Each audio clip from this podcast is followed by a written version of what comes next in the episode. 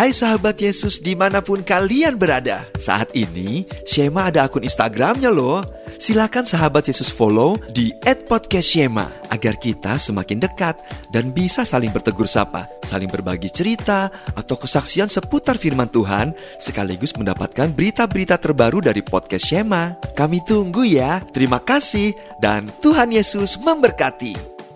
Podcast Shema dari telinga mengubah hati. Hai,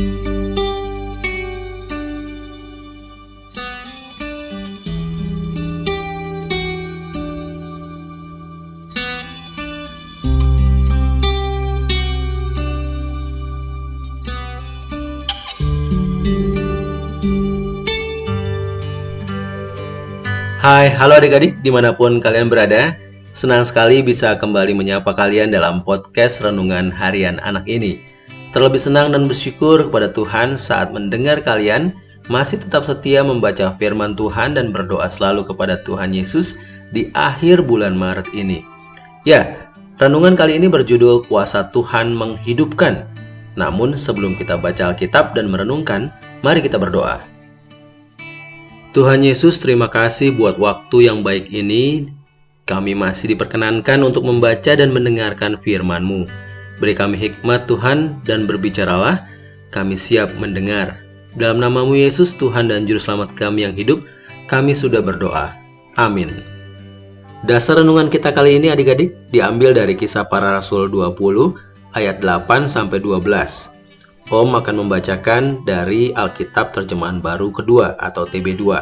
Beginilah firman Tuhan. Di ruang atas tempat kami berkumpul, ada banyak lampu. Seorang pemuda bernama Eutychus duduk di jendela. Karena Paulus amat lama berbicara, pemuda itu tidak dapat menahan kantuknya.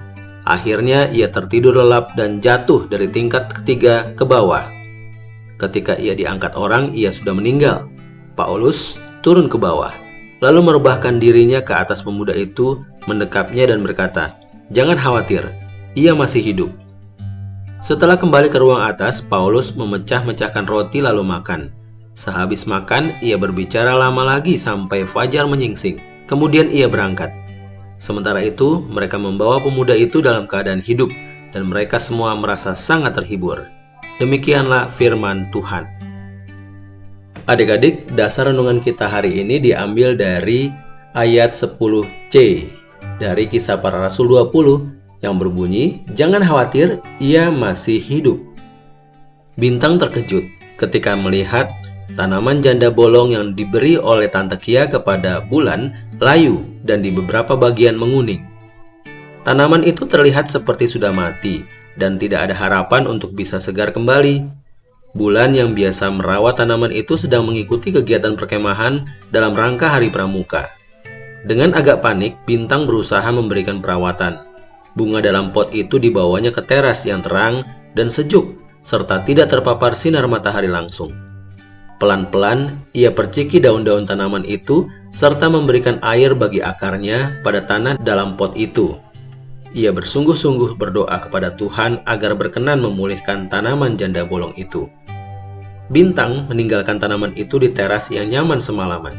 Ia tetap berdoa mohon pertolongan Tuhan untuk mendatangkan kehidupan bagi tanaman itu. Esok paginya, setelah bangun tidur, tak lupa ia mendoakan tanaman itu. Bintang sungguh bersyukur ketika beberapa hari kemudian tanaman itu terlihat sudah membaik. Daun yang berwarna kuning telah rontok, tapi tumbuh daun muda yang hijau dan tanaman itu segar kembali. Bintang bersyukur dan berterima kasih kepada Tuhan untuk kasih dan kuasa Tuhan yang menghidupkan kembali tanaman itu. Nah, adik-adik, kita belajar mengenal dan percaya bahwa Tuhan Yesus punya kuasa untuk menghidupkan. Serahkan hidup kita kepada Tuhan yuk dengan mengatakan, "Hidupku kuserahkan pada Tuhan yang berkuasa atasku." Mari kita berdoa. Bapa di surga, terima kasih untuk pemeliharaan Tuhan pada kami, sehingga kami boleh merasakan kebaikan Tuhan setiap hari. Dalam nama Tuhan Yesus, kami sudah berdoa. Amin.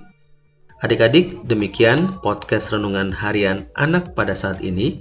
Tetap baca Alkitab dan doa setiap hari ya kalau mau tumbuh. Salam sejahtera buat kalian dan salam sehat selalu.